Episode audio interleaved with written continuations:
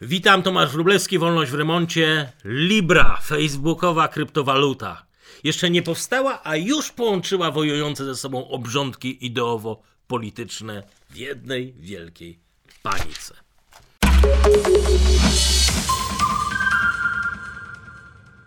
Dzień po ogłoszeniu projektu Donald Trump już tweetował, wygrażał, że nie pozwoli Facebookowi stworzyć własnej waluty. Błynekura w imieniu Europejskiego Banku Centralnego przypomina, że waluta to nie tylko system płatniczy, ale też cele polityki społecznej. Nie pozwolimy, krzyczał, żeby Facebook stał się nieformalnym rządem świata. Dobitnie skwitował to też laureat Nagrody Nobla Joseph Stiglitz, który mówił, pisał, tylko głupiec zaufałby Facebookowi swoje pieniądze, ale może właśnie o to chodzi. Facebook najlepiej wie, ilu frajerów rodzi się na minutę. Grupa demokratycznych kongresmenów poszła dalej, żąda w ogóle wstrzymania wszelkich prac nad Librą. Jak to możliwe? że ludzie, instytucje i państwa, które na co dzień w niczym nie mogą się zgodzić, tutaj są tak zgodne i tak bojowo nastawione. Jakby to nie chodziło o kryptowaluty, ale o obcą cywilizację, która za chwilę ma zaatakować naszą planetę. Na świecie mamy już jakieś 1600 kryptowalut, notowanych na blisko 200 kryptogiełdach. Nie wszystkim się to podoba, ale emocje, zakazy, czy aby na pewno, na pewno chodzi o Facebook, o jeszcze jedną tylko kryptowalutę. A może, może zastanówmy się, może problem jest gdzieś zupełnie indziej. Banki, wszystkie banki centralne roztaczają wokół siebie taki nimb tajemniczości. Komunikują się dziwacznym językiem najwięcej mówią, kiedy w ogóle nic nie mówią. Wszystkie te ich rytualne posiedzenia, protekcjonalne mowy do rządów i polityków tak naprawdę mają jeden jedyny cel do spełnienia: sprawiać wrażenie, że rozumieją więcej niż mogą nam powiedzieć, że znają przyszłość i nade wszystkim panują nad naszymi pieniędzmi.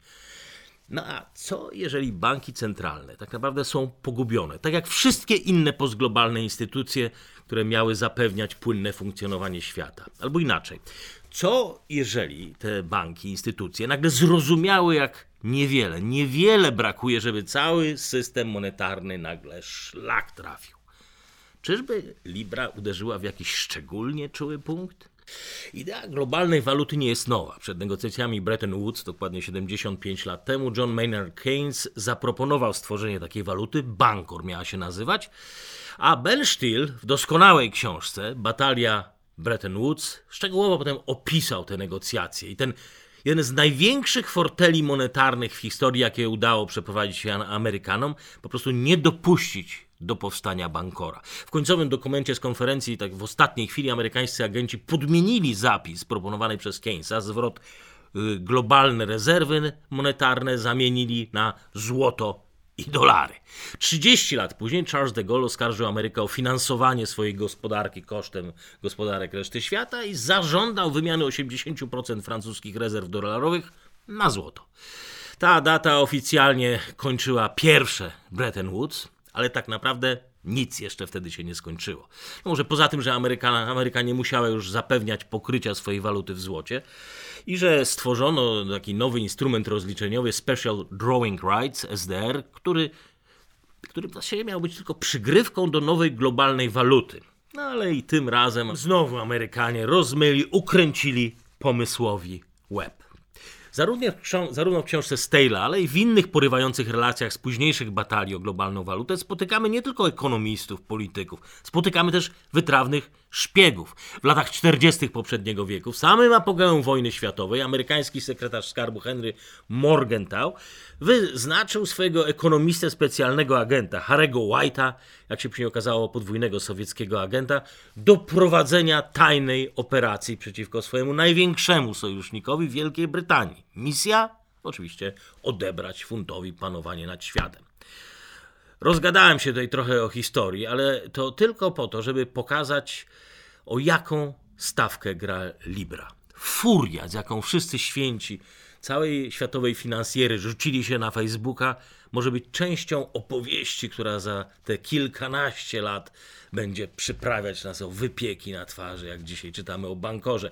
Przeciwnicy Libry przytaczają całe mnóstwo kontrargumentów. Oprócz e, stałych motywów jak cyberbezpieczeństwo, ochrona prywatności, wiarygodność tego samego Marka Zuckerberga, e, przy tej okazji pojawiają, się oczywiście też teorie spiskowe, ale jest jeden zasadniczy problem Libry, Facebooka. Problem skali. Unia Europejska to 513 milionów e, ludzi, razem z Japonią, Australią, Nową Zelandią. Cały zachodni świat to jest jakiś miliard z hakiem. A Facebook? 2,5 miliarda obywateli. Nikt tak naprawdę nie wie, co to może oznaczać dla innych walut, a w szczególności dla dolara. I jest teraz kluczowe pytanie, którego głośno nikt nie zadaje. Nie dotyczy ono potencjalnych mankamentów Libry, ale przeciwnie. Jak będzie wyglądał nasz system monetarny, jeżeli Libra jednak spełni oczekiwania twórców? Jeżeli na ten rozklekotany rynek unijnych stóp procentowych, astronomicznych długów i niejasnych zasad tworzenia pieniądza wprowadzona zostanie nagle waluta, no powiedzmy tam z tymi dwoma miliardami portfeli obracających bilionami. Mark Zuckerberg w zasadzie nie mógł wybrać lepszego momentu na ogłoszenie swojej Libry, nowej waluty z ogromnym dotarciem i z potężnymi protektorami, bo trzeba pamiętać, że Stowarzyszenie Libra powołało 28 różnych podmiotów. Oprócz Facebooka jest tam PayPal, Spotify, Uber, Mastercard. Docelowo ma być ich 100. To dobre firmy perspektywiczne, doskonale funkcjonujące na nowym, w nowym świecie. Jeżeli trzymać się teorii, że nowy paradygmat monetarny potrzebuje katastrofy, roztrzaskania się poprzedniego paradygmatu, jak to miało miejsce po II wojnie światowej, to, to chyba przesilenie faktycznie jest blisko i spektrum Libry może być właśnie tym katalizatorem. Indeks y, niepewności y, przekroczył EPU, przekroczył właśnie poziom 340 punktów. To jest drugi najgorszy wynik od kryzysu 2008 roku. Od 1997 roku indeks zawsze wyprzedzał przesilenia polityczno-gospodarcze i kryzysy. I dziś nie trzeba mieć Nobla z ekonomii, żeby czytać sygnały z rynku. Choćby największe zakupy złota od pierwszego załamania umowy Bretton Woods w 1968 roku. Same tylko banki centralne, które ponoć wiedzą, co robią, o 47% więcej kupiła, kupiły złota niż przed rokiem. Alternatywne waluty jak bitcoin rosną. I to jak na drożdżach, 27% w ostatnim tylko miesiącu. Z kolei tradycyjne waluty lecą w dół, zarówno w stosunku do złota, jak i bitcoinów. Jakby jeszcze tego mało, to właśnie Chiny w odpowiedzi na kolejną rundę amerykańskich sankcji zdołowały swoją własną walutę. Dolar warty jest już dzisiaj ponad 7 juanów. Jeżeli wierzyć zapowiedziom, to jest dopiero początek tej wojny i gry na dołowanie. W tle widowiskowych rozgrywek chińsko-amerykańskich swoją własną wojnę z dolarem toczy Europa, ściślej Niemcy. W sierpniu 2018 roku minister spraw zagranicznych Heiko Maas w ostrym takim wywiadzie e, dla Handelsblatt oficjalnie, oficjalnie zaapelował o monetarną autonomię Europy i o przełamanie, powiedział, wasalnej podległości Ameryce. No i dziś słowa stają się czynem. Bruksela wykorzystała spór o sankcje irańskie i odpaliła właśnie platformę transakcji międzynarodowych, która ma złamać monopol amerykańskiego systemu SWIFT. Instex. Oficjalnie ten nowy system ma zapewnić europejskim firmom swobodny obrót handlowy z Iranem i bez obaw, że transakcje zostaną zablokowane przez Trumpa. Ale stawka tak naprawdę jest wyższa. To jest dolar i jego kontrola nad światem. To byłaby pierwsza od 1944 roku próba aktywnego zastąpienia, czy przynajmniej podważenia kontroli Waszyngtonu nad globalnymi transferami. Mówię próba oczywiście, bo jak na razie żadna europejska firma nie odważyła się oficjalnie skorzystać z europejskiej platformy. E, przeciwnie, kilka z nich, tak jak na przykład niemiecki T-Mobile, złożył już Trumpowi deklarację, że w zamian za zgodę na fuzję z amerykańskim Sprintem nie będzie korzystał z Instexu, mimo oczywiście nacisku Berlina. Ile podobnych takich rozmów trwa w tej chwili? Ile włamań do systemu, szpiegów szaleje między Teheranem, Londynem, Paryżem i Waszyngtonem? No, to jeszcze lektura przyszłości, ale na pewno będzie fascynująca. Na rynku jest y, sporo książek o dezintegracji, upadku globalnego ładu. Większość jednak pisana jest dzisiaj pod wpływem bieżących wydarzeń, mocno upolitycznione. Wciąż jednak najpoważniejszą pozycją, taką wiwisekcją dezintegracji światowych instytucji jest książka Wilhelma Robke, niemieckiego ekonomisty, napisana pod koniec lat 30. Robke e, opisał rozpad e, systemu monetarnego przed II wojną światową. Pisał o kombinacji twardych mechanizmów rynkowych, protekcjonizmu, rywalizacji walutowej, ale też, jak pisał, istnieją przyczyny nieekonomiczne. Stary kodeks moralności, manier rynkowych, nawet kodeks honorowy wśród ludzi wydaje się być rozdarty. Ludzie pragną czegoś więcej niż dobrobytu, chcą spójności kulturowej i społecznej oraz stabilności. Rynek nie może już tego zapewnić. Nowa siła musi pochodzić z tradycji, religii lub czegoś innego. Czegoś innego. Robke pisał to ponad 80 lat temu, a taka współczesna, y, poważna analiza była przeprowadzona przez profesor Stefani Walter z Uniwersytetu Zurichu, która zaraz na wstępie definiuje dezintegrację jako proces, w którym państwo członkowskie wypowiada warunki umowy i uwaga, zwykle ma do tego silny mandat społeczny, silny mandat społeczny. Jednym słowem, e, Trump, e, Boris Johnson nie są szaleńcami, tylko odczytują intencje własnych wyborców, którzy pewnie nie mówią dosłownie o demontażu nafty Światowej Organizacji Handlu ONZ-u, e, może inaczej jest z Brexitem, ale intencje, oczekiwania wyborców są tutaj przejrzyste. Aha, i może jeszcze ze Stephanie Walter. Każda globalna konfrontacja w każdej kwestii w każdej kwestii będzie natychmiast prowadziła do dezintegracji globalnych instytucji. Także fakt, że rządom na przykład Niemców, Niemiec i Francji nie na rękę jest utrata lukratywnych kontraktów z Iranem, natychmiast staje się elementem rozgrywki o kontrolę nad systemem monetarnym. To już coś więcej niż tylko spór dyplomatyczny. Zarówno e, Robka, jak i e, Wolter tak naprawdę mówią nam to samo. Przychodzi taki moment, w którym proces dezintegracji jest już nieuchronny. Reakcje, które wydają nam się dzisiaj nieracjonalne, nieracjonalne, nielogiczne, tak naprawdę są wypadkową procesów ekonomicznych, decyzji, które gdzieś ktoś kiedyś w historii podjął dla osiągnięcia bieżących celów politycznych. Może rozregulował system zabezpieczeń kredytowych w Ameryce, żeby napędzić boom budowlany w latach 90., a może, a może teraz w Polsce właśnie mnoży w nieskończoność świadczenia socjalne dla celów politycznych i to wszystko gdzieś kiedyś też znajdzie ujście. Tak jak to, że od 1971 roku, kiedy prezydent Nixon zrezygnował ze standardu złota, Ameryka i inni wielcy gracze rynkowi dowoli sobie korzystali z dostępu do taniego pieniądza. Taka otwarta linia kredytowa ograniczona tylko zaufaniem społecznym, które które miało nigdy się nie wyczerpać. W końcu nad wszystkim czuwały wiarygodne instytucje demokratyczne.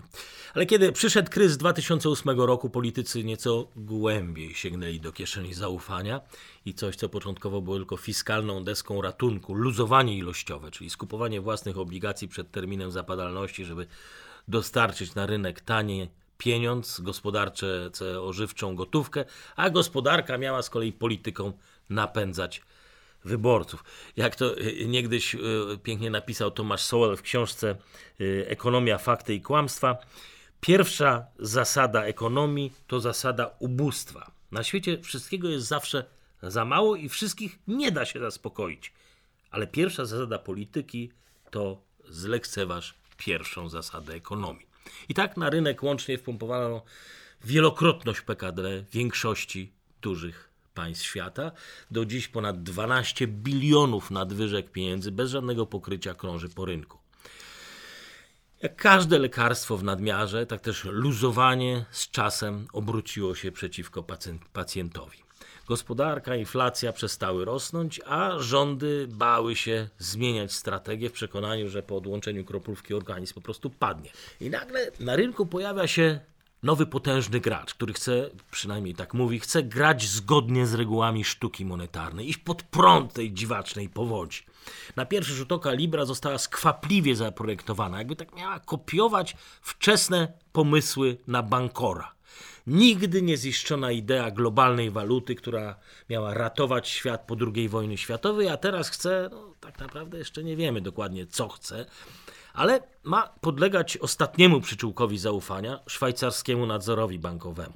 Fundatorzy z kolei mają zainwestować prawdziwe pieniądze, a nie obietnice, instrumenty hedgingowe czy produkty reasekuracyjne. Każdy ma wpłacić po 10 milionów dolarów. Pieniądze pójdą na zakup aktywów, które z kolei wejdą w skład koszyka gwarancyjnego i do koszyka włożone zostaną różne waluty. Przypomina to nam to trochę SDR, ten drawing mechanism. Biała Księga Libry zaznacza też, że pieniądz y, będzie stabilny względem innych walut i to ma go odróżniać od wszystkich pozostałych kryptowalut. Rezerwy zostaną następnie zainwestowane w krótkoterminowe oprocentowane y, nisko aktywa o takim niskim ryzyku. Przychody posłużą do pokrycia kosztów operacyjnych i wypłacenia dywidend członkom założycielom. Ale najwięcej systemowych obaw powinno dotyczyć funkcjonowania Libry w całym tym obecnym systemie monetarnym. I tak na koniec zostawiłem sobie bodajże nie najdziwniejszą sekwencję zdarzeń, która może najlepiej tłumaczy cały ten taniec wokół Libry. Amerykański Bank Centralny Fed dokonał ostatnio cięcia stóp procentowych. Pierwszy raz od 2008 roku zszedł z ścieżki podwyżek i to zszedł w chwili, kiedy bezrobocie w Ameryce jest najniższe od 50 lat, przybywa nowych miejsc pracy, a ostatnie, czego ten rynek potrzebuje, to jeszcze więcej paliwa i ożywienia. Oficjalnie Fed tłumaczy to obawami przed wojną handlową. No, z tym, że dotychczasowe sankcje i nawet chiński zakaz importu amerykańskiej żywności w zasadzie niezauważenie wpłyną na sytuację gospodarczą. Po co w takim razie siać panikę?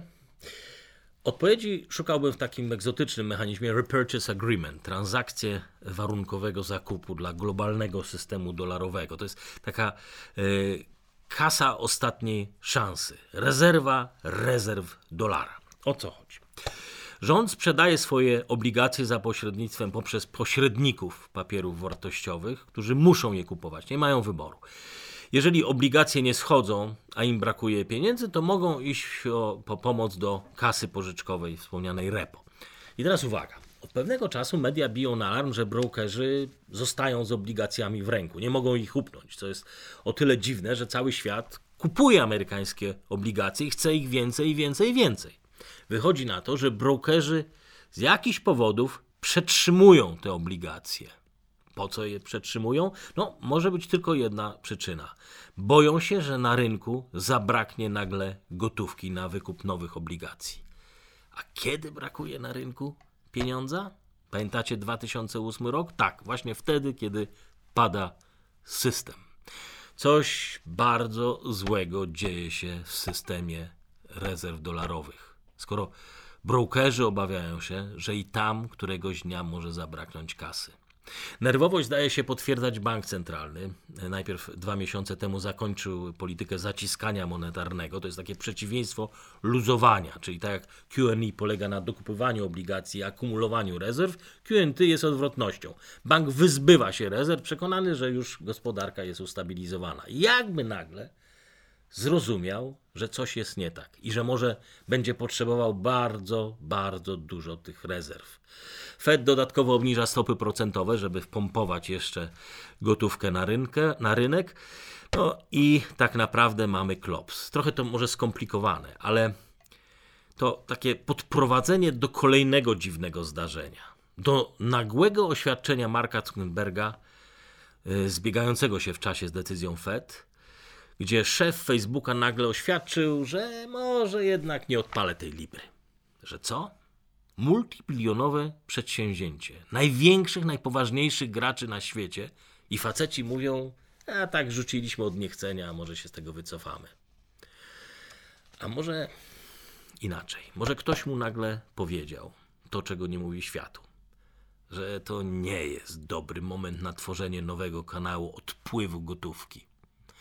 Kto wie, czy jak już nadejdzie to, co antycypują brokerzy i na co szykuje się Fed, to czy po tym wszystkim nie będzie lepszy moment na nową walutę, nowy monetarny ład.